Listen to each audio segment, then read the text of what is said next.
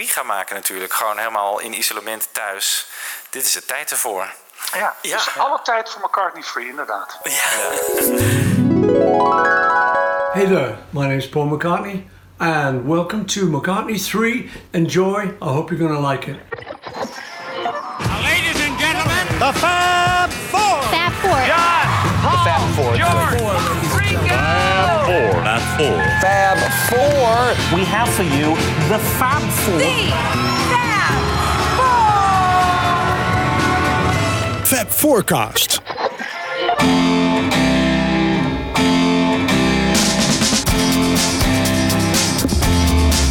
Well, I can find my way. I know my left from right because we never close. I'm open day and night.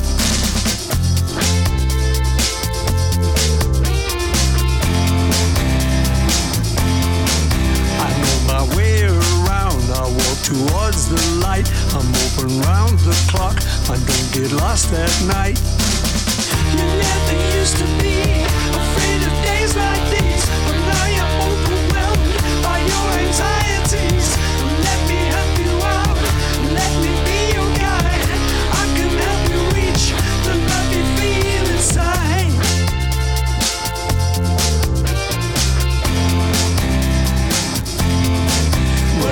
Find my way. I know my left from right because we never close. I'm open day and night.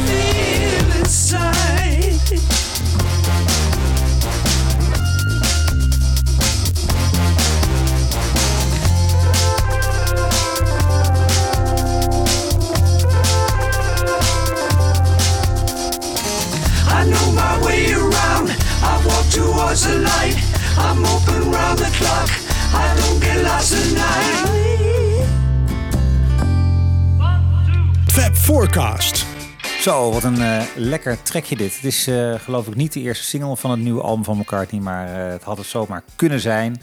Beste mensen, uh, goedemorgen, goedemiddag, goedenavond.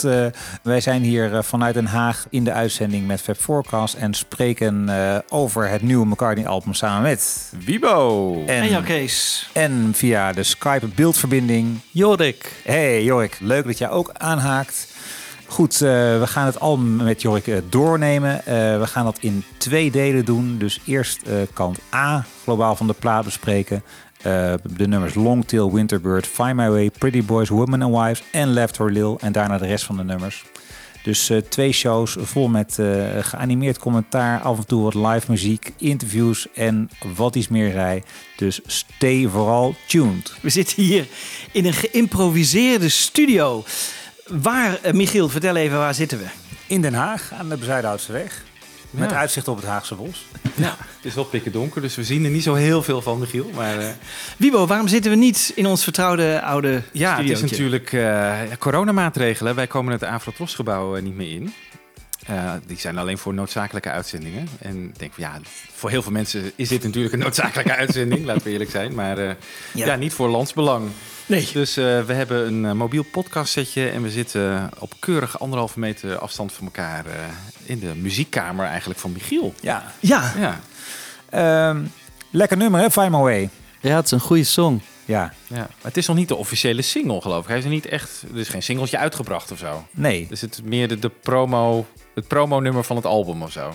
Is ja, het... ze hebben het als focus track hebben ze het eh, naar de streamingdiensten gestuurd. Ah, ja. Dus dat is het liedje wat er uitgelicht moet worden voor playlists en zo en wat aandacht moet krijgen. Ja. En als radiozenders iets draaien, is dat het ook. Maar of het nou echt geplukt wordt, dat weet ik niet. Is dat voor het eerst dat McCartney geen single uitbrengt bij een nieuw album? Het zou zomaar kunnen. Ja, eh, McCartney 1. ja. Ja. L'histoire se répète. Ja. ja, had hij wel moeten doen toen, Ja. maar... ja. Hey, welke van de 418 edities heb jij eh, gekocht, eh, Jorik? Oh, veel te veel. In het begin dacht ik nog dat ik het kon bijbenen. Dus toen dacht ik, nou ach, weet je wat. Dus toen heb ik me laten verleiden tot het kopen van... ehm, even denken. Ik heb twee eh Third Man Records eh, rood vinyl. En ik heb er één weten te bemachtigen van de Third Man Records eh 333-editie... waarvan er wereldwijd 333 zijn. Dus twee van de 3333 en één van de 333. Je oude dagsvoorziening is binnen. Ja. ja, en ik heb nog de groene Spotify-editie ook gekocht, die LP. En toen ik bij Max was, toen kreeg ik van Universal na afloop, dat was erg aardig van ze, eh, eentje op wit vinyl en een cd'tje met als bonus track Women and Wives. De demo. Oh. Dus Wow. dat is een heel, heel pakket geworden. Maar ja, de muziek is allemaal hetzelfde, dus het slaat nergens op. Nee. Ik, ik heb ook die witte vinyl en ik heb een handgenummerde. Nummer, ik heb nummer 9987. Er is dus iemand in zo'n, in zo'n fabriek, of weet ik hoe het gaat, die er allemaal, al, die, al die albums Ja. moet gaan zitten Ja. nummeren Ja. met de hand. Ja. Wat, Ja. wat zal ik doen vandaag? Nou, ga jij die, ga jij die LP's maar nummeren. Ja, wat gek hè? Nor- normaal wordt dat altijd eh, gewoon geperst. Ja. Maar, maar nu is het echt met de hand Dat is gedaan. homemade, hè? Dat past bij het thema van de plaat misschien. Ah, dat zal het zijn. Ja. En, en jij, Wiebo? Wat heb jij Ik gekocht? heb, eh, normaal koop ik eigenlijk nooit een eh, nieuw McCartney-album op vinyl, alleen op CD. Dat doe ik eigenlijk al sinds eh, Flowers in the Dirt in 89. Maar ja, door deze campagne en doordat er dat rode vinyl uitkwam in het begin, dacht ik, nou, is toch wel leuk om dat te hebben. Dat is toch speciaal, want ze lokken je toch wel naar binnen met een limited edition. En eh, dus ik heb de rode vinyl en de CD. Gewoon. En toen ben ik maar gestopt. Ik dacht, ja, dit wordt echt te gek. En ik ga ook geen cassettebandje kopen. Of, eh, Er zijn er echt 35 of zo nu, geloof ik. Zo belachelijk Ja. is het gewoon. Ja. En, en zelfs met die combinaties met t-shirts en dobbelstenen zijn het er 60 of zo, geloof ik. Baseball caps heb je nog. Ook ja, erbij. belachelijk. Ja, ja, En Jij, Jan ja. Kees? Nee, alleen de CD iets, eh, alleen de CD. Nee, nee, nee, nee. Ik ben niet. eh, Zijn we weer terug, eh, Jork, in de jaren 80, waarin eh, hè, eh, eh, 100 versies van No More Lonely Nights eh, uitkwamen? Nou, ik vind het wel grappig inderdaad. Want Mark Lewison die heeft toen een ingezonden brief in Club Sandwich eh, ingestuurd. Waarin hij zijn beklag deed daarover, over dat melken met No More Lonely Nights. Ja. En eh, ja, toen kon denk ik niemand vermoeden dat dat slechts het begin was eh, van hoe het voortaan zou zijn. En het zou nog veel erger worden. Maar goed, Mark is toen toch nog eh, aangenomen om ook bij Club Sandwich te komen schrijven. Dus het eh Maar, werd blijkbaar hem niet kwalijk genomen. Jork, het is toch nog niet zo vaak zo erg geweest als nu, toch? Ik bedoel, zoveel versies hebben we toch niet van Egypt nee, maar, Station? maar, nee, maar het is wel interessant. Want het is, echt, het is gewoon echt een, een marketingcampagne die is eh, gericht op zoveel mogelijk verkopen tijdens COVID-19. Eh, want ehm, als je nu kijkt naar de first week sales in Amerika, eh, dan zijn dat er iets van 25.000 meer dan bij Egypt Station. Dus als je ervan uitgaat dat het ongeveer dezelfde fanbase is als toen, grotendeels, dan merk je dus dat er zo'n 25.000 meer zijn verkocht. En die zijn waarschijnlijk verkocht aan dezelfde mensen.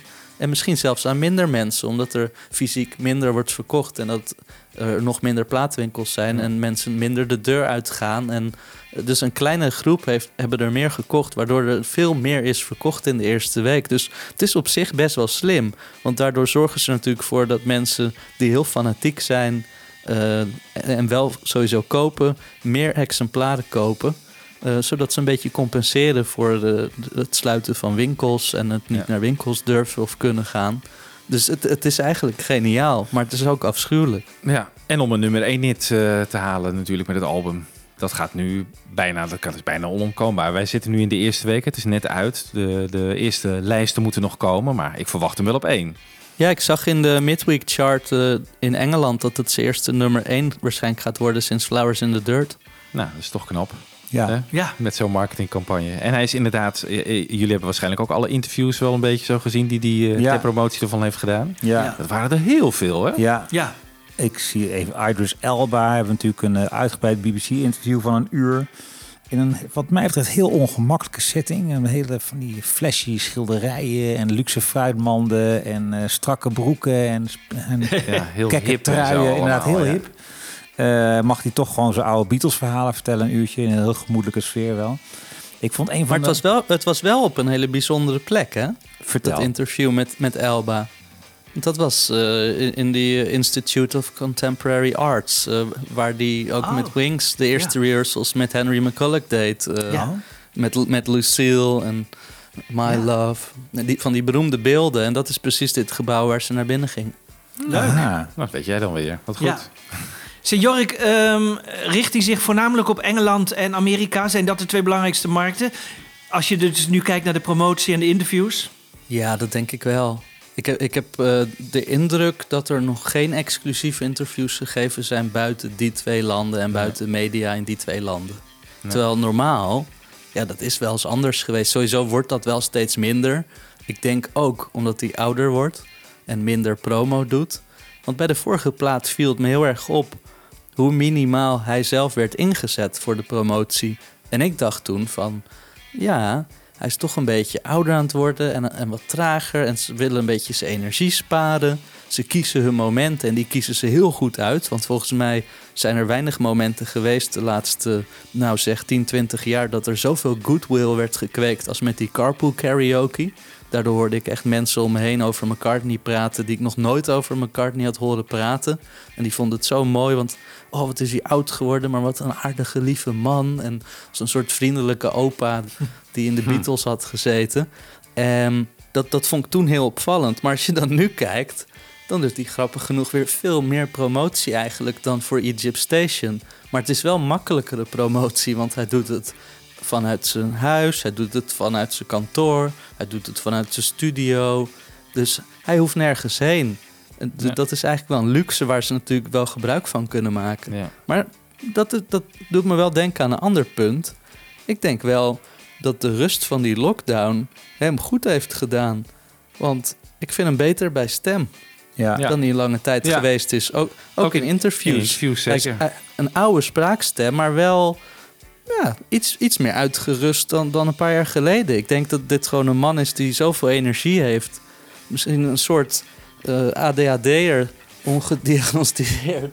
En ehm, ja, ik denk gewoon dat dit ertoe leidde dat hij wat meer zichzelf in acht nam en wat meer rust moest nemen en zo. Ja, zeker. En nou, zullen we eens even hebben over wat we eigenlijk van het album vinden. Michiel. Laten we het even zo doen dat we één heel positief ding noemen en één heel eh, wat, minder, wat minder goed ding. Hè? Dan kunnen we even Mm, ja, een oké. beetje gestructureerd aanpakken. Ehm, nou, ik vind, het, eh, ik vind de, de, de sound en de productie vind ik zeer, zeer fijn van dit album. Gewoon de, die, die naturelle, frisse sound. Dus niet overgeproduceerd. Ja, je krijgt gewoon de, de, de echte die komt heel dichtbij. Zo. Dat vind ik heel fijn aan het album. Wat vind ik er minder fijn aan? Dat zijn toch die tracks. En dat zullen vast niet allemaal met mij eens zijn. Eh, Zo'n nummer als Deep Deep Feeling. Ik snap dat het goed is. En datzelfde geldt voor eh, Deep Down. Ik zou bijna zeggen Deep Deep Down. Maar dat heet dan weer Deep Down. Ehm, nummers die meer om sfeer gaan dan echt om compositie. Dus eh, als je dan keus moet maken, dan denk ik dat je een, een net wat beter album kunnen afleveren. Als je ja, wat, wat meer, ja, gewoon toch wat klassieke McCartney-composities op die plekken had gehad. Dat had ik graag gezien.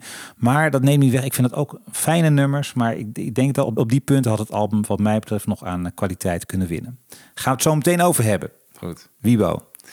Ja, ik vind het ook een heel fijn album. Eh, ik vind het heel organisch klinken. Ik, ik hou heel erg van Paul die in zijn eentje alle instrumenten speelt. Dat, ja, dat klinkt gewoon lekkerder dan met band, vind ik. Eh, aantal echt hele mooie, mooie nummers. Echt McCartney klassiekers eh, staan erop, denk ik. een negatief puntje vraag je ook om. Dan kom ik toch weer een beetje in bepaalde nummers op die stem terecht. Ehm, bijvoorbeeld in Kiss of Venus. Eh, dat trek ik heel slecht. Ehm, die hoge manier van zingen. En ik had, ja, het is natuurlijk een McCartney-album. En dat staat toch wel een beetje model van ehm, eh, een beetje vreubelen, een beetje experimenteren. En dat hoor ik dan toch te weinig, denk ik. Het is meer gewoon een, een, een popplaat. Een echt een, ja, gewoon een, een Paul McCartney studioalbum dan echt een McCartney. Ik eh, zit echt te vreubelen en te experimenteren. Dus dat, dat mis ik er wel een beetje aan. Jan Kees. Ja. Ik vind eigenlijk het, eh, het zwakste punt vind ik zijn, blijft zijn stem toch wel. En dan, dan kiest hij dus, hij kiest eh, uit eh, het verleden opname. En dan vraag ik me altijd af, waarom kiest hij hiervoor? Want hij heeft een enorme archief. Hij gaat terug tot 1992, geloof ik. Maar hij heeft een enorme archief. Hij kan dus ongelooflijk veel nummers kiezen. En waarom kiest hij hiervoor? En, en hij had ook meer... eh, nou, je bedoelt nu even dat eh, Winterbird When Winter Comes. Hè? Dat, Ja. eh, ja, Ja. Met name dat When Winter Comes, wat we al uit 92 kennen. Ja. Wat ik ook mis, ehm, eigenlijk, McCartney is ook de balladeer hè, eh, achter de piano. En een echt eh ballade eh pianonummer mis ik. Beautiful Night-achtig, ja. Hoe kan dat? Women and Wives toch wel? Ja, maar toch in mindere mate dan... eh, ja. Hear me, women and wives. Ja. ja. ja. Dus ehm, weet je iets, eh, Jorik, hoe die keuze tot stand gekomen is eh, van deze eh, oude nummers? Eh, het want is hij, het is één, niet een oud nummer. Het is één oud nummer. Ja, maar er is er ook één waar, eh, waar eh, Rusty Anderson op meespeelt. Ja, Sliding, maar dat is twee jaar oud. Dat is twee jaar oud, vind ik alweer oud. Ik bedoel, dat is toch... Ja. Hè? Nou, ik, ik weet wel hoe die keus gemaakt is voor When Winter Comes. Ehm, dat ging als volgt. Eh, vorig jaar, toen gaf McCartney met zijn office eh, van NPL een, een feestje. Ik vermoed dat dat dan ergens in december zal zijn geweest. En toen had hij ook eh, Jeff Dunbar uitgenodigd. Eh, Omdat hij daar natuurlijk Ja. vaker mee heeft gewerkt. Animator, Jaren ja. voor. En toen heeft hij hem gevraagd of hij het zag zitten om misschien een andere film te maken eh, met dat liedje When Winter Comes. Want tijdens het samenstellen van de Flaming Pie box, toen waren ze natuurlijk op dat nummer gestuurd omdat dat een, echt een outtake was van die plaat. Opgenomen in dezelfde sessie in september 92, 3 september 92. Samen met Calico Skies en met Great Day. En toen heeft zijn team dat aan hem gepresenteerd en laten horen. En toen vond hij dat eigenlijk eh, zo goed dat hij toen niet wilde dat dat een bonus track werd op de Flaming Pie box. En hij zegt ook dat hij toen net een boek over Elvis had gelezen, dat beroemde boek Last Train to Memphis. En dat in dat boek werd vermeld eh, van ja, dit en dit liedje, dat hebben jullie waarschijnlijk nooit gehoord, want dat eh, was een beetje verstopt als een B-kantje van een eh, single of van een album. En toen dacht hij van nee, ik vind het nummer heel goed en het verdient beter dan een bonus track op de Flaming Pie box. Dus toen kwam hij op dat idee van die film. Dat heeft hij toen dus voorgesteld aan Jeff. En die was enthousiast. En zo zijn ze daar toen aan begonnen. En toen vroeg eh, Jeff Dunbar vervolgens aan Paul... of hij ook nog wat eh, korte muziek kon maken voor de opening van de film. En vervolgens ook voor het einde van de film met de credits. Nou, toen ging hij aan de slag. Toen heeft hij inderdaad dat eh, Winter Bird opgenomen en ook Winter Sun. Dat mooie stukje wat we nu voor het eerst hebben gehoord in die eh, videoclip die uit is gekomen van Jeff Dunbar.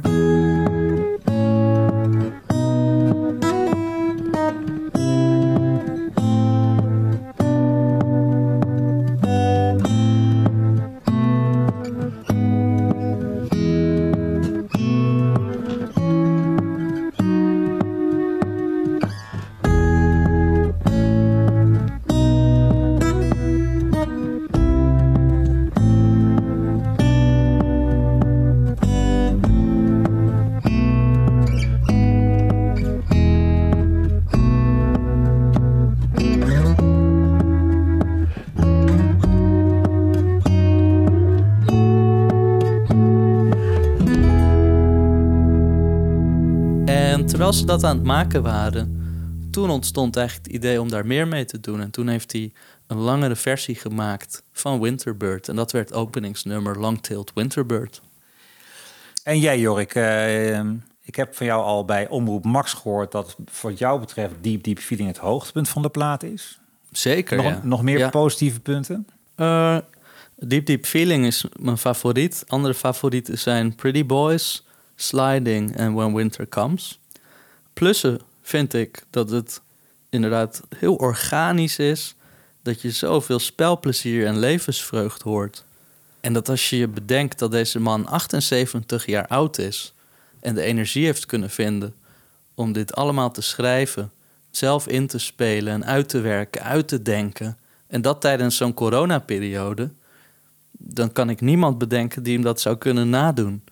Ik zelf niet eens. Ik ben ook begonnen aan een plaat in die tijd... en hij ligt al in de winkel met zijn plaat... Ja. Bij mij gaat dat nog even duren, weet je wel. En ik ben een jonge jongen van 34. Dus dat is wel benijdenswaardig en echt uitzonderlijk, vind ik dat.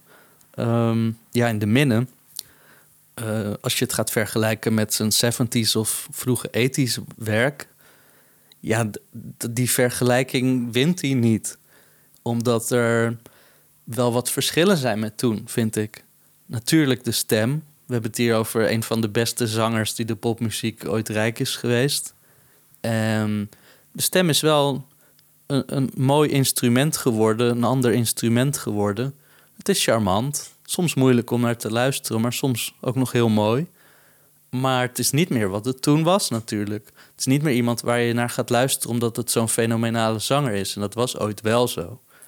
Dus die vergelijking wint hij niet. En ook de manier waarop platen toen werden gemaakt hoe het allemaal werd opgenomen.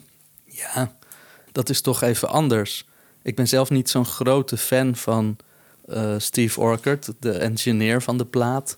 Werkte ook al aan de vorige plaat. En ik vraag me nu eventjes af wie de remix van Tug of War heeft gedaan. Ja, ik zie het hier. Eh, ja, inderdaad. Steve Orchard die heeft dat geremixed, Tug of War. Ja, ik vond dat eh, geen goede remix. Je hebt het hier over een ongelooflijk dure, mooi opgenomen plaat. Die ze even gaan remixen op de computer in de box. Met allemaal moderne plugins. Ja, dat kan zich niet meten aan, aan de luxe en de rijkdom van hoe ze dat destijds gemixt hebben met Jeff Emmerich en John Jacobs en George Martin. Met, met al die apparatuur en die kennis daarvan. Dat is echt plastic vergeleken bij de real deal. En nu Ehm, dan? Wat, wat, wat heb je nu op om aan te merken dan? Want dit is gewoon een plaat die natuurlijk dit jaar is opgenomen. Ja, ik vind het eh, te digitaal. Hm. Ik bedoel, ik vind het mooi dat het organischer is in, in de, de soundkeuzes en de instrumentkeuzes. Maar alsnog, eh, hoe het geëngineerd is. Heb je daar eh, nog Ja. een concreet voorbeeld van? Zijn het bijvoorbeeld eh, dat soms toch elektronische dingetjes in Find My Way of zo, dat je een meer echte unplugged sound wil, of zit het, zijn het echt andere dingen?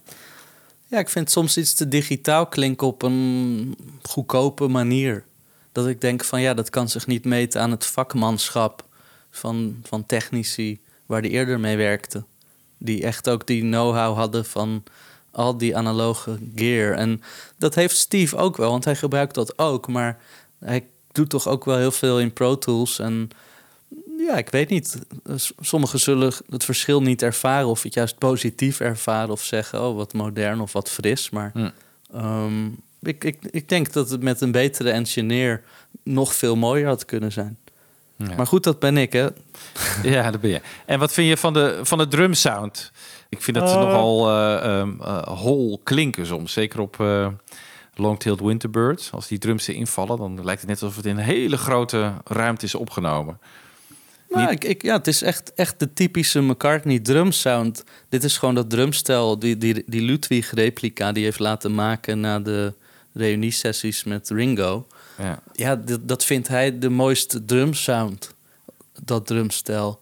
Dus eh, dat hoor je eigenlijk op, op bijna al zijn solowerk sindsdien. Hoor je dat drumstel. Ja. Ook op Driving Rain dan, dan drumt Ape Laboriel Jr. ook op sommige nummers op Paul's Ludwig Kit staat er dan in de credits. Ja. Dus d- dat is echt een keus van hem. En ik, ik vind het wel een mooie sound. Maar in, inderdaad, ik, ik snap ook wel wat je bedoelt hoor. Maar dat is een keus. Maar eh, ik vond bij de vorige platen dat het soms ook nogal allemaal in de galm was. En ook dat zijn stem dan heel erg in de galm verstopt was met veel autotune. En nu laten ze zijn stem wat meer horen, wat meer ademen, wat meer op de voorgrond. En dat voegt toe aan dat organische gevoel. En ik vind sowieso, de plaat is ietsje droger wat dat betreft. Als je ook kijkt, de plaat doet me best wel denken aan The Fireman Electric Arguments. Ja. Alleen galm is een beetje het verschil. Dat is meer een galmende plaat in, in, op sommige nummers. Dat is denk ik Youth stijl een beetje. eh, met Sing the Changes en zo. Dat is toch soms Ja. een beetje U2-achtige stadiongalm. En dit is allemaal wat droger en directer. En dat is denk ik ook wel een kenmerk van die McCartney 1 en 2 platen. Ja. Het is toch een soort stijlkenmerk. Dus dat vind ik wel heel gaaf eraan. Dus het is ook niet dat ik zeg van... oh, wat is het lelijk opgenomen. Ik vind het heel, heel organisch en een stuk prettiger dan de vorige twee platen wat dat betreft. Maar alsnog heb ik er wel wat op aan te merken. Oké, ehm, gaan we nog over hebben. Laten we eerst even horen eh, wat McCartney zelf te vertellen heeft over de openingstrek van het album Long-Tailed Winterbird.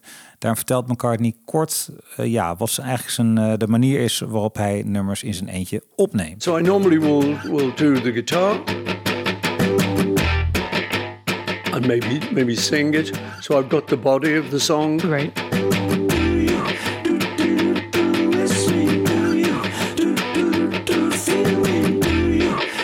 And then I might put on a bit of bass to fill it out a bit, and then put some drums on.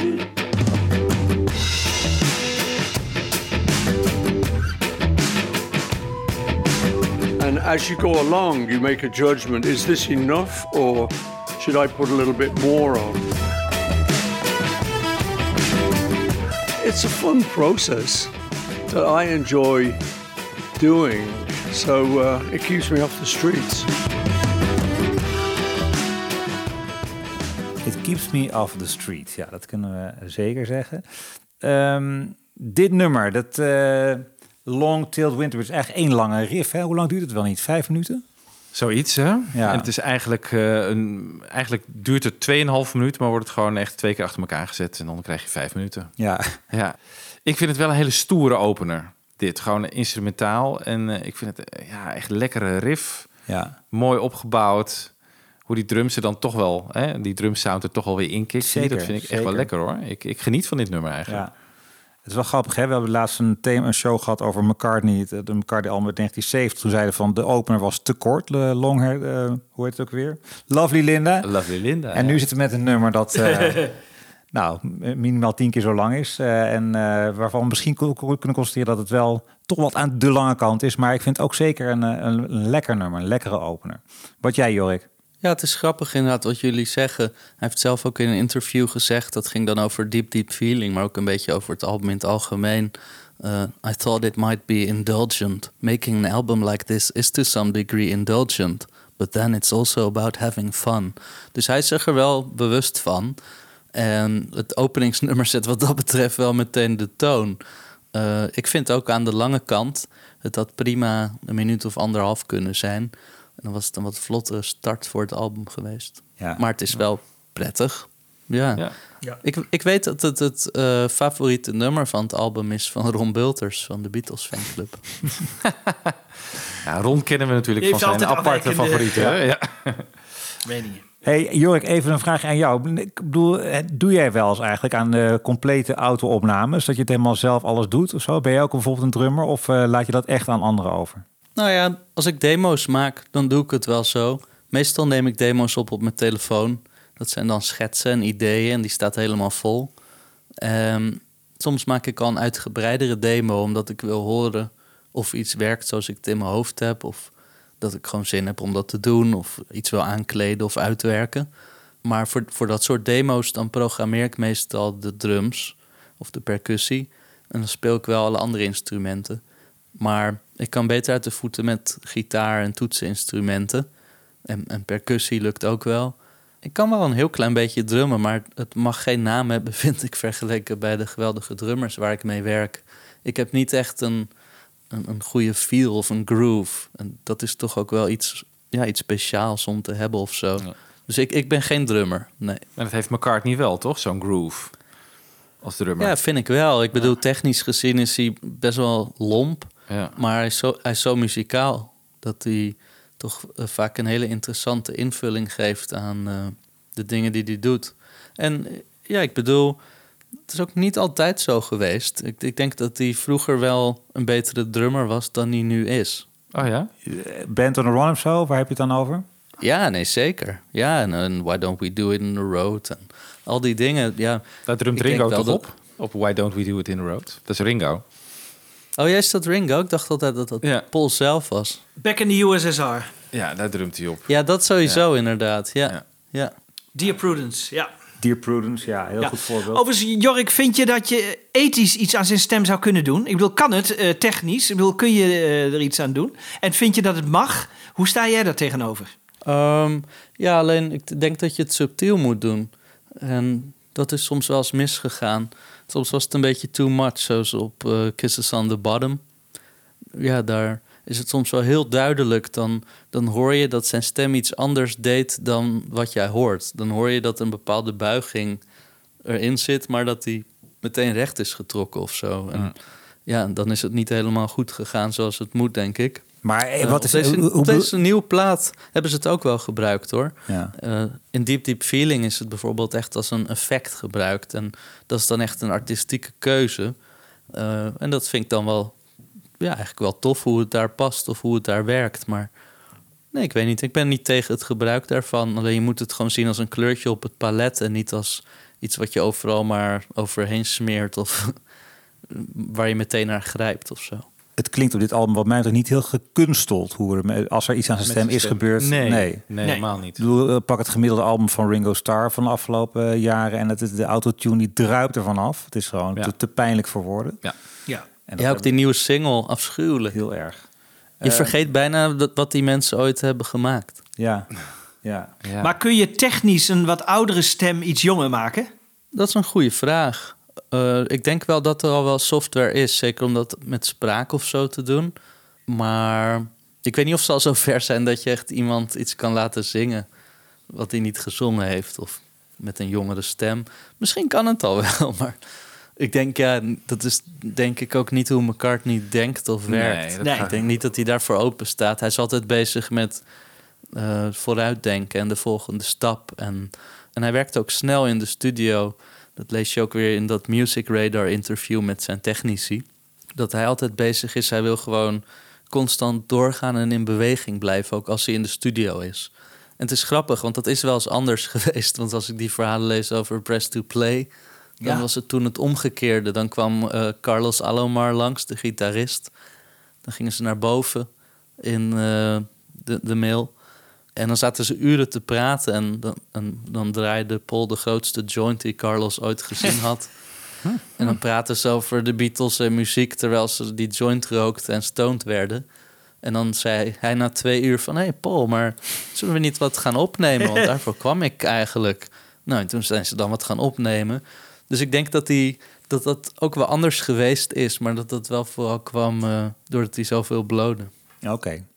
Hey, we gaan snel door eh, over eh, tempo eh, opvoeren gesproken met het tweede nummer. We hebben het net al gedraaid, hè, Find My Way. Nog even een, een quoteje van McCartney uit een interview waarin hij vertelt waar dit nummer over gaat. Oh, th- this is one that I'd written, um, and I wasn't in any hurry to record. And it's about me feeling confident, but I can find my way. I know my left from right, you know. Then the middle goes on to sort of uh, say to someone, uh, a fictitious person, but someone who's anxious, because you know there were some people who just breezed through the lockdown. A lot of creative people found time to do stuff. You know, I mean, I talked to Taylor Swift. She she did exactly that with her folklore album. But uh, obviously, the, you didn't want to go on about having a good time because there were so many people who were having a very bad time. Um, but yeah, so and there were people who were very worried. So in the middle of the song, it, it goes into uh, you never used to be afraid of days like these, but now you're overwhelmed by your anxieties. It took the other point of view. So that's basically what it's what it's about. Yeah, Find My Way. Ik vind het een eh, fijn eh, nummertje. Dat refrein eh, vind ik een hele mooie tekstregel. Ook goede tekst. Ja. Echt wel een beetje op deze situatie waar we allemaal in zitten natuurlijk geschreven.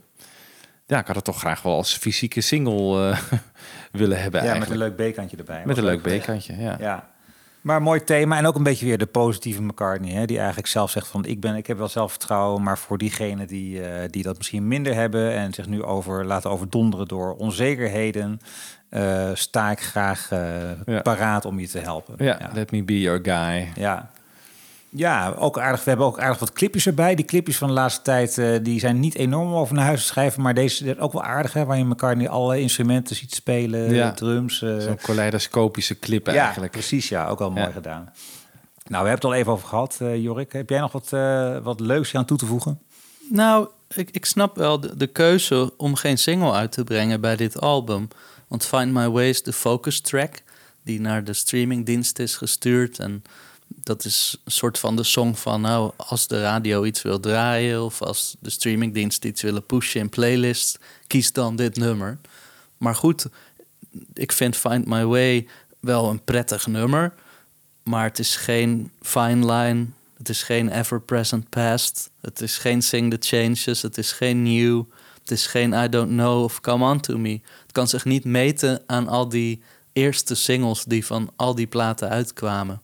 Het is ook geen young boy, weet je wel. Het is geen no other baby. Het niveau haalt het in de, in de verste verte niet, vind ik. Het is een aardig liedje.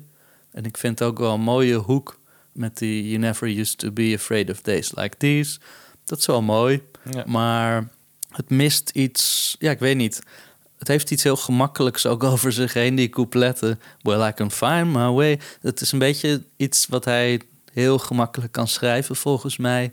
En het mist dan denk ik iets aan energie of jonge hondenenergie... om echt een single te zijn die eruit knalt of eruit springt. Dat gezegd hebbende, ik vind het een, fijn nummer. Een prima nummer. Maar niet het nummer om de kar te trekken voor het album. Zijn er dan wel nummers op het album die volgens jou de kar hadden kunnen trekken? Of is het allemaal gewoon geen single materiaal? Ik zou het namelijk niet weten. Nee, ik ook niet. Nou ja, ja het, het ligt eraan waar die singles op gericht zijn.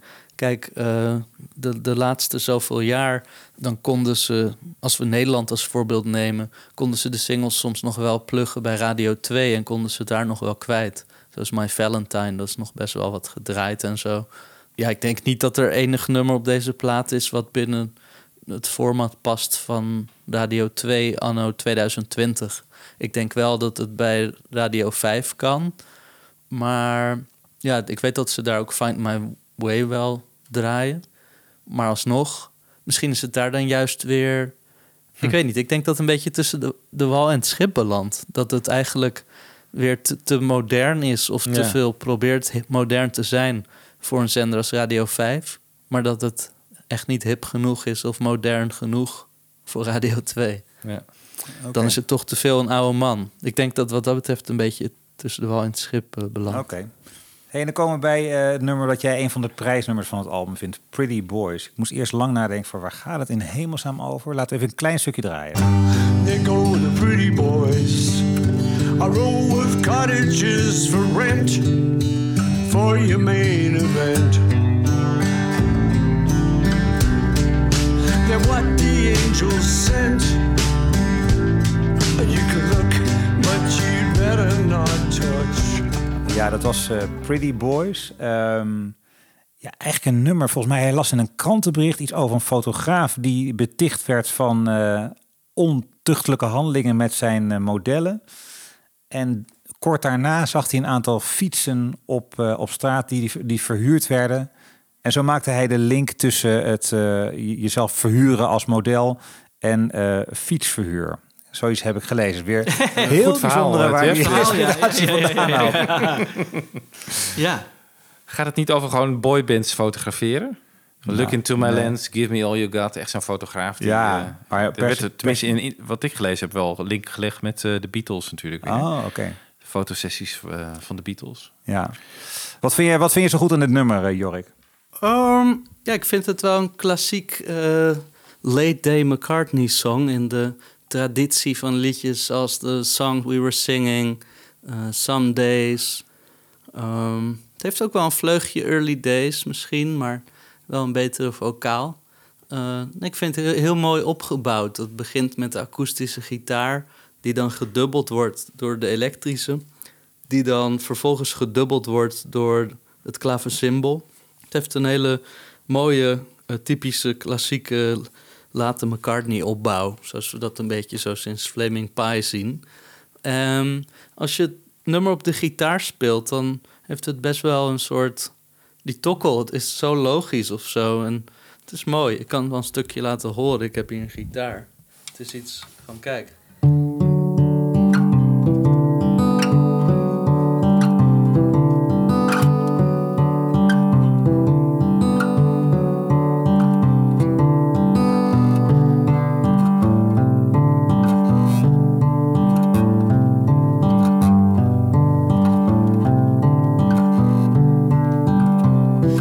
Eigenlijk schuift hij de hele tijd eh, alleen op de bovenste twee snaren.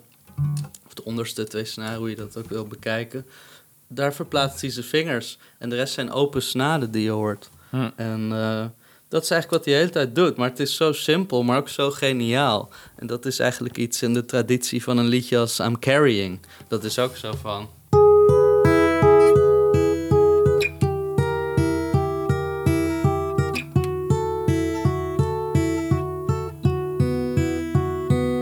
zo minimalistisch en ook zo sterk in, in die eenvoud. En ik vind ook, ja, dit is ook een beetje iets als. eh.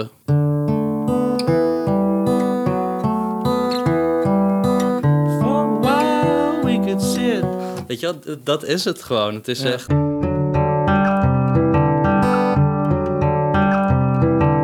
Look into my lens, give me all you got. Work it for me, baby. Take my best shot. Meet the pretty boys, a line of bicycles for hire, objects of desire. Working for the squire, you can look, but you'd better not touch. Cause here come the pretty boys. They're gonna set your world on fire. Objects of desire. Preaching to the choir. They can talk, but they never say much. Strike another pose. Try to feel the light. Hey, the camera loves you. Don't put up a fight. There go the pretty boys, a row of cottages for rent for your main event. They're what the angels sent. You can look, but you'd better not touch.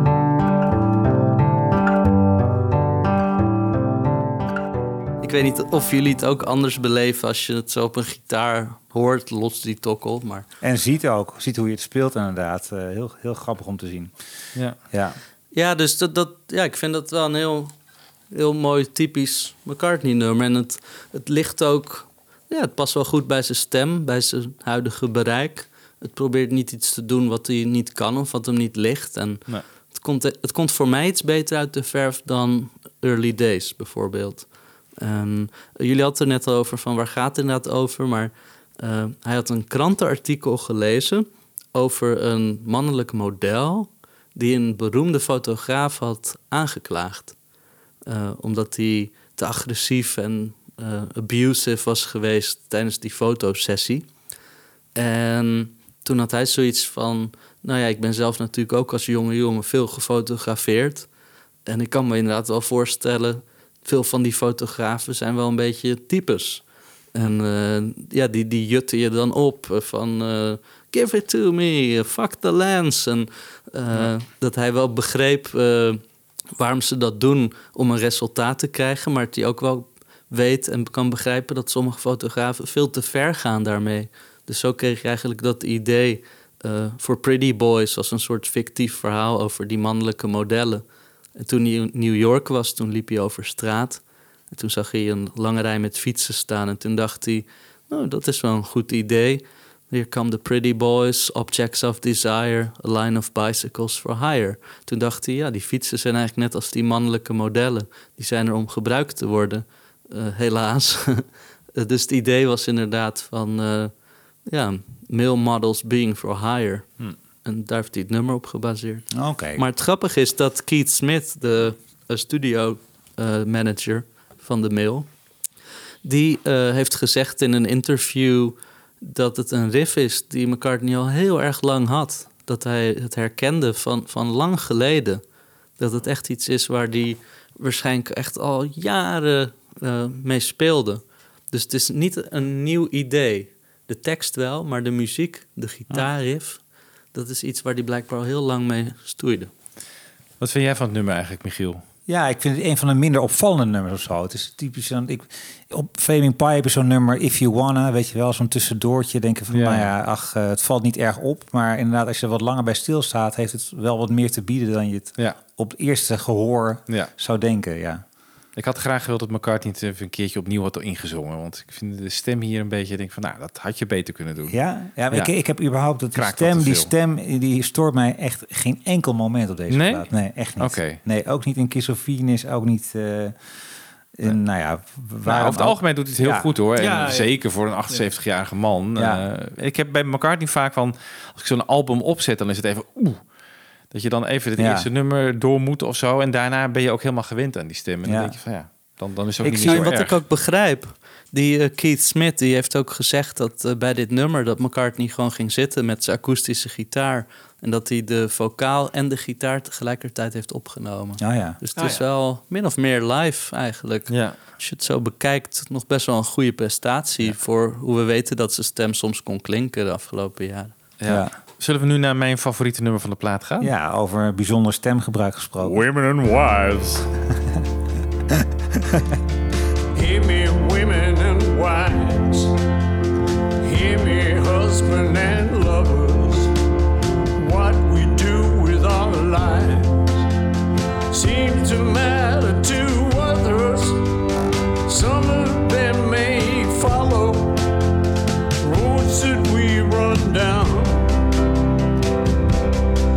chasing tomorrow. Get ready to run chasing tomorrow. Get ready to run.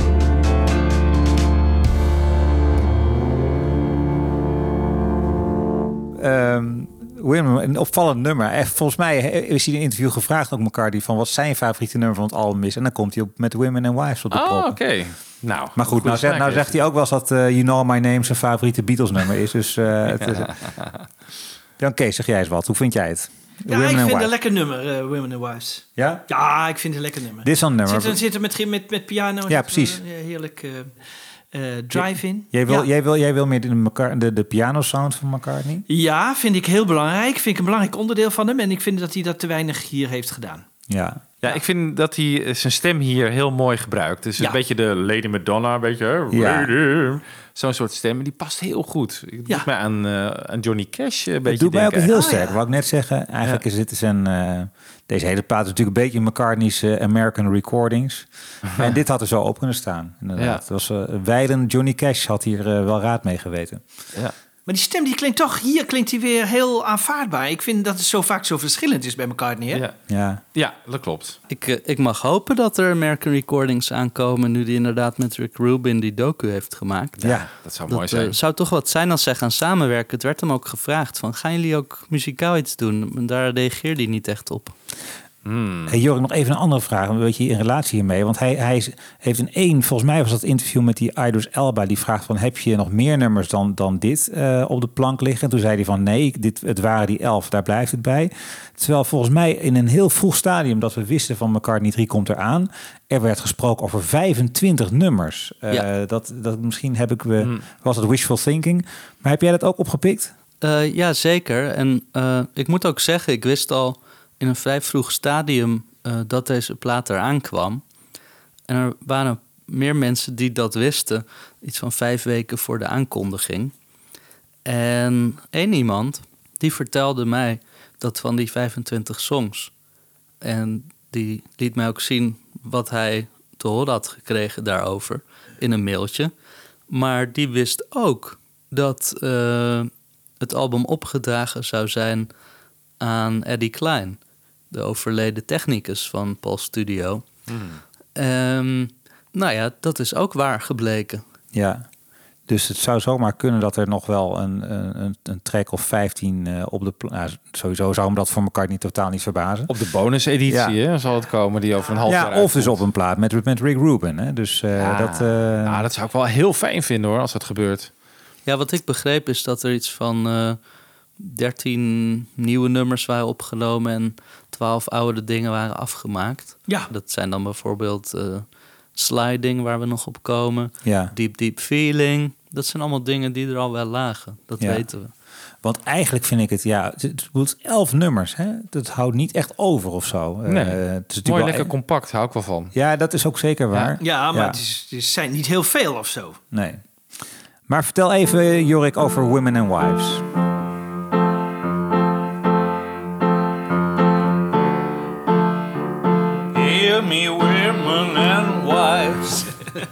Ja, zoiets is het, hè, geloof ik. Ja, ja, ja. Hear me, husband and lovers. Nou ja, dat, eh, dat is dat ding. Eh, nou, het is wel grappig. Bij Women and Wives is dus nu zo'n eh, demo-versie verschenen als bonus track. Ja. Ehm, eigenlijk is dat gewoon de uiteindelijke versie, maar dan nog zonder de drummer bij en, en die aankleding. Ehm, dus een, een wat kalere demo, zoals hij het waarschijnlijk in eerste instantie heeft opgenomen. Maar ook met een ander refrein. En Ja. ook een Ja. minder, minder sterk refrein als Ja. je het mij vraagt. Klopt. Can you tell me when tomorrow comes around that you set a good example to the children listening to you? But you can help them keep their feet upon the ground if you simply love them more than you ever loved before.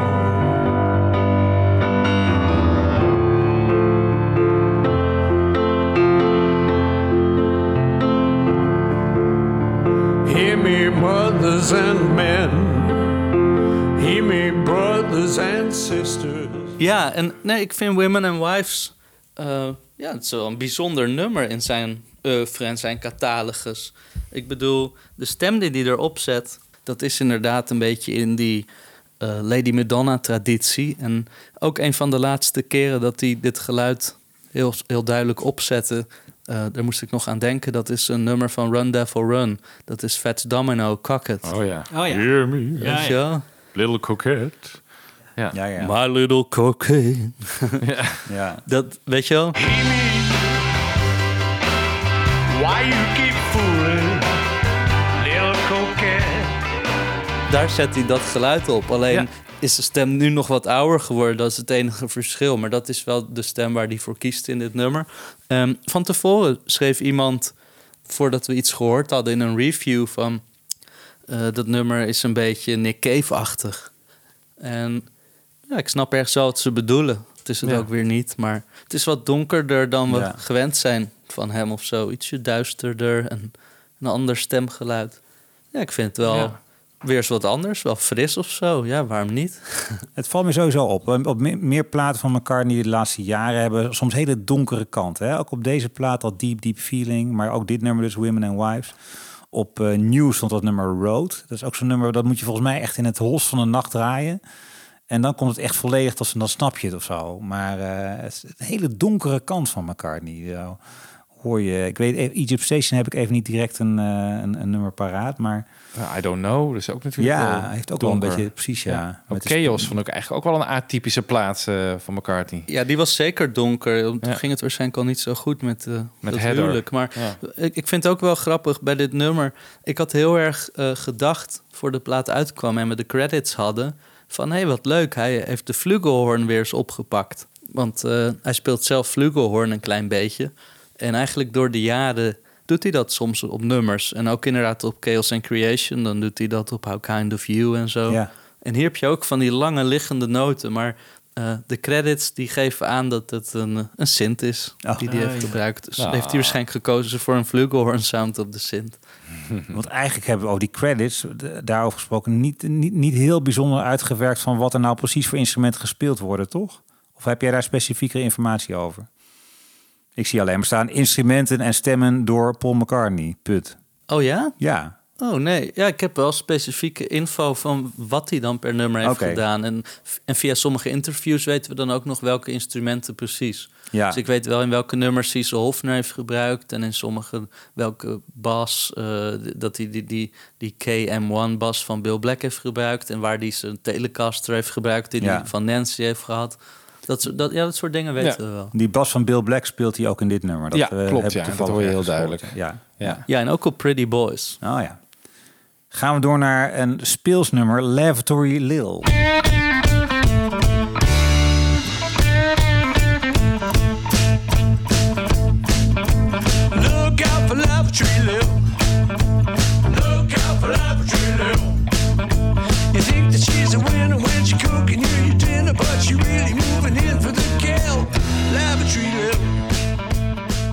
Ja, dit vind ik dus echt een McCartney-nummer, zoals McCartney 1, McCartney 2. Echt zo'n beetje zo bogey music-achtig Ja. Ja. nummer. Dit, dit hier vind ik hem lekker speels en toch een beetje ja, gek. Beetje stout. Beetje, Ja. ja. een beetje, ja, een beetje raar, maar wel heel leuk. Ik vind het een heel lekkere sound. En dat hij dit in zijn eentje speelt, hè? Ja. Het is gewoon echt Ja. een heel lekkere groove. Weet hij toch eh, te pakken te krijgen, helemaal in zijn eentje. Ja. Ik hou hier wel van. Met de onvergetelijke zin... You think she's being friendly, but she's looking for a Bentley. Ja. En het woord harlot komt erin voor. Dat kende ik niet, maar dat is eigenlijk een hoer in het eh, in, in Ah. keurig Engels. Of wie zou het gaan, jongens? Ja. Dat gaat er wel Ja. uitkomen ooit een keer, denk je niet? Nee, het gaat toch over niemand, Jorik? Eh, of eh, dat heeft hij althans zelf gezegd. Eh, Ja, maar dat zegt hij altijd. Ja, hij, heeft gezegd... eh Lavatory Lil is about anybody that you don't like and that you didn't get on with. And I think in our lives we have a lot of people like that. It's a parody of someone I didn't like. Someone I was working with who turned out to be a bit of a baddie. I thought w- things were great. It turned nasty. I thought, I'll have you. I'll write a song. You'll never know it's about you because I won't tell anyone. But I'll know. And people who know who I'm talking about will know. Zie hij weet dus wel. Ja, hij, hij weet over wie het gaat, maar hij wil het niet zeggen. Ja, dus hij zegt: So I remembered some of the things that had gone on, Ja. drew on my dislike of this individual, and made her into a song character. Ik zat dan aan Heather te denken. Ja. Daar zit iedereen aan te denken, ja. ja. Heather? Nee, nee, ik niet. Nee, ik waar- niet. waar dacht ik jij aan? dat- Wat- ik- wat dacht het gaat volgens mij over een huishoudster of een kok of zo. Iemand die vertrouwen heeft gekregen in de familiaire sfeer om eh, in, in het huishouden te werken of te koken voor hem. En die dat vertrouwen heeft geschonden. Oh, dat was Want dat echtpaar in, eh, ja, in de jaren She's 60. cooking you your dinner. En, Ja. eh, nee, ik denk dat het echt over de laatste jaren gaat. Over Oh. de laatste twee jaar of zo. Ik denk Ja. dat het echt recent is. Ah, Gewoon iemand, iemand die misbruik heeft gemaakt van het vertrouwen. Het gaat wel ja, over iemand Misschien heeft hij wel een eh, toilet, toiletjuffrouw in zijn huis. Een Lil. nou, ik, eh, ik, ik denk dus inderdaad de schoonmaakster bij hem thuis... die ook kookte voor ze, want she's cooking you your dinner, bla bla. Ja. Ik denk dat het gewoon een, een schoonmaakster is... die misschien Ja. iets gejat heeft... of het vertrouwen heeft geschonden op foto's heeft gemaakt, ja. Kan allemaal. Ja. Ja, dat zou kunnen. maar het is altijd met McCartney zo. Hè? Hij weet wel over wie het gaat, maar hij wil het liever niet zeggen... want dan kan iedereen het zelf invullen. Ja, want in, in de eerste interviews die hij gaf over de plaat, eh, zoals met de, de New York Times, daar heeft hij dus dit wel verteld. Maar in de laatste twee interviews, van vandaag en gisteren of zo, heeft hij gezegd dat het een fictief karakter Ja, was. ja, ja, ja, ja. Daar houdt hij Ja, van. ja, ja. Een rookgordijn. Of het werd toch een beetje Ja. duidelijk dat het over die huishoudster Ja, ging. Van, hmm, Oké, Ja. ik hou mijn mond maar. Maar wat vind jij van het nummer, eh, Jorik? Ehm, ja, het is niet een van mijn favorieten. Van tevoren, als ik de omschrijving ervan las, dan dacht ik, oh, dit wordt er wel eentje. Wat leuk, zo'n soort nummer in de stijl van Polythene Pam en een uptempo. En op zich, eh, wat ik er leuk aan vind, het is heel Brits. En het heeft ook iets lomps op een leuke manier, bijna als een soort pubrock song. Ja. Eh, Het enige is dat, eh, ja, ik vind het dan toch niet zo soepeltjes als inderdaad die, die McCartney 2 eh, liedjes zo- die vergelijkbaar zijn als zo- zo'n Bogey Music of zo. Ja, dan vind ik dat dat toch allemaal wat, ja, ik weet niet, dat is net eventjes wat frisser of zo. Ik vind het dan toch een beetje sloom en oudbollig in de uitvoering. Ik bedoel, als je voorstelt dat hij met Wings ten tijde van High High High dit gedaan had, dan was het eindresultaat heel anders geweest. En wat dat betreft vind ik die akoestische studio demo wel leuk, die ook als een bonus track is uitgekomen nu. Oh ja. Die is meer een beetje, die laat het liedje horen in de kern en dan hoor je meer dat het een beetje in de lijn is van Summer of 59, die B-kant van Chaos and Creation in the Backyard. Ja. Ehm, dat laat ook wel de potentie zien voor als hij het iets anders had benaderd. Misschien meer met zo'n groove zoals That Was Me of zo. Iets meer zo luiig, akoestisch, meer op een groove. Hmm. Maar Jorik, Dat het eh, mis, soepeler had kunnen zijn. Jorik, mis jij een producer? Nee, ik ben, ik ben heel blij dat er geen producer is. Want eh, jij zegt, eh, ik zou de uitvoering wat anders doen. Hè? Dus dan zou je denken, een Nigel Godrich of zo, zo'n type... die misschien ook wat tegenwicht aan hem geeft... en af en toe zegt van, doe het eh, misschien net iets anders.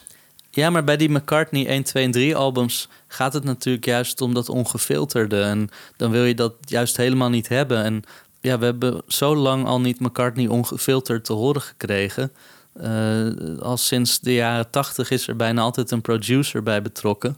Eh, terwijl eigenlijk veel van zijn grootste solo-successen door hemzelf geproduceerd zijn.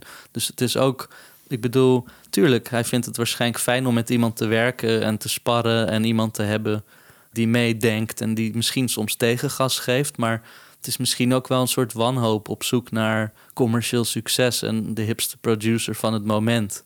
Zoals Ja. bij New toen, dat hij inderdaad met die eh, Paul Epworth en zo werkte. Ja. Dat was toch wel ja, op zoek naar hitsucces. Zo, oh, die heeft met Adele gewerkt. Ja, Ja. zo denkt hij toch ook wel een beetje. En ik vind het wel juist heel fijn dat het zo ongefilterd is. Maar zo'n liedje als Lavatory Lil... Ja, ik denk niet dat Nigel Godrich hem dat had laten opnemen. Nee, nee dat denk ik betekent ook niet. niet. Dat, betekent niet dat het geen bestaansrecht heeft... of niet, niet een leuk nummer is. Het is wel... Maar goed, weet je, op Chaos and Crazy staat weer eh, Promise um, to Your Girl zo. Ook, niet, ook, ook, ook wel geinig, maar niet Ja, een enorme ook- hoogvlieger. Nee. Ehm, Ja, maar ik vind wel Promise to Your Girl, als je dat hiernaast zet... Ja, dat vind ik dan in de uitvoering echt een wereld van verschil... qua performance, instrumentaal en, en vocaal. Ja? Dat is zoveel soepeler en swingender. En dit Ja, ja. is zoveel logger en lomper. Ja, dan het heeft dat wel betreft. iets eh, een beetje van dik hout met planken. Dat heeft het zeker. Ja, het is Ehm, gewoon een demo en ja. dat is heel charmant. Maar Ja. het is anders. Ja, maar zo hoort Ja. de McCartney-album te zijn, vind ik ook wel. Daar horen ook demo-achtige uitvoeringen op te zitten. Ja. En dat wat ik in het begin zei, dat mis Ja. ik toch wel een klein beetje op deze plaat. En daarom vind ik dit nummer misschien ook wel zo leuk. De andere klinkt toch wat te vol, wat te veel een geproduceerde plaat dan, eh de ja. andere, dan McCartney 1 en 2. Dus daarom vind ik dit leuk. Ja. Hij werd overigens gevraagd ook in een interview van mis je het spelen met een band nou op zo'n album? En eh, zegt hij ronduit nee, totaal niet. Hij maakt ook een beetje een grapje van. Hij zegt van, nou ja, als er wel een band zou zijn geweest, dan had ik ze keurig aangehoord en dan had ik gezegd nee, zo doen we dus niet. Eh, maar hij, hij heeft er ook echt veel plezier in gehad in het alleen opnemen. Dus dat ongefilterde, dat, dat inspireert hem. Maar ehm, ja, dat vindt hij gewoon ook voor nu ook de, de, de fijnste werkwijze. Ja. Wat ook wel leuk is bij dit nummer, is trouwens dat hij ehm, de, de bas gespeeld heeft op een mini-moog. Het, het- het typische Wings geluid. En ook op Find My Way is de bas gedeeltelijk op de Hofner en gedeeltelijk op de mini-moog. En je ziet bij veel nummers die nu gaan komen, dat hij daar ook op de mini-moog de baspartij heeft gespeeld in plaats van ze ingebast. Dat vond ik wel opvallend aan deze plaat. Dat hij bij misschien bijna de helft van de nummers ervoor gekozen heeft om op de Moog de bas te spelen in plaats van echte bas. Grappig. Ik vind ook de bas, het basgeluid op deze plaat niet zo prominent en, en zo vol en rijk als je bijvoorbeeld op Case and Creation, zo'n nummer als How Kind of You, hè, daar hoor je die bas opeens inkomen en denk ik van, oh, wat een gaaf moment of zo. Die Ja. basmomenten die je op heel veel McCartney platen hoort, die mis ik op deze Ja, plaat. dat heb ik toch wel vaak bij die Hofner een beetje, dat dat geluid wat doffer is. Ja. Ik wil heel graag dat hij weer eens die Rickenbacker eh, erbij Ja. pakt. Ja. want- Ja, ja, dat is veel prominenter. Dat is hem toevallig gevraagd bij dat Reddit-interview. Toen eh, vroegen ze aan hem van... eh, wil je niet misschien weer op je Rickenbacker bas gaan spelen? En toen was het antwoord van... ja, ik denk al jaren, ik moet hem weer eens gaan oppakken... maar het komt er maar niet van. Ik blijf toch vooral die Hofner pakken. Maar ik ben het nog wel van plan. Oh, dat ja. is zo- wat hij zei Hmm. ongeveer. Nou, Ja, want ook heel veel Beatle-materiaal is natuurlijk ook eh, daar op dat ding opgenomen. Ja. Niet op de Hofner. nee. Nee. Goed, we het dus even over Left or Lil gehad. Laten we nog even naar die demo luisteren die er ook van is. En daarmee hebben we meteen een mooie afsluiting van deze eerste show over de albumbespreking van McCartney 3. We gaan de volgende keer gewoon verder met Jorik om de rest van de nummers te bespreken. Eh, one, two.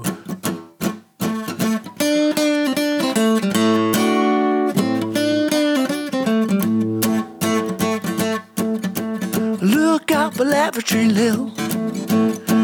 Look out for Lavatory Lil. You think that she's a winner when she's cooking you your dinner, but she's really moving in for the kill. Lavatory Lil.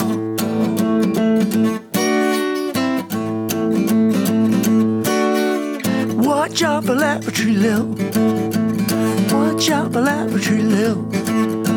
Said she's honky dory when she's telling you a story, but she really thinks you're making her ill. Lavatory Lil. You saw it coming at you, you could look the other way. It isn't always easy when she's rolling in the hay.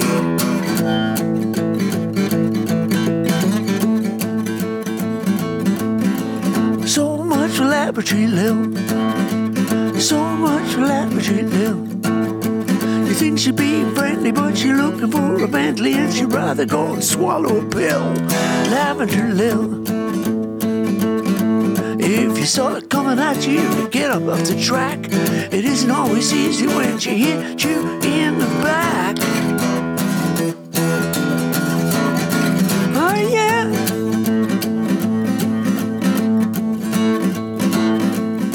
Well, that's it for Laboratory Lil. That's it for Laboratory Lil. She acting like a starlet, but she looking like a harlot, and she's only heading over the hill. Laboratory Lil.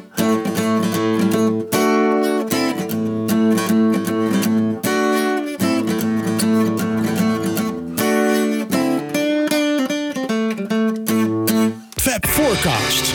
Luister ook naar Fab Forecast via beatlesfanclub.nl.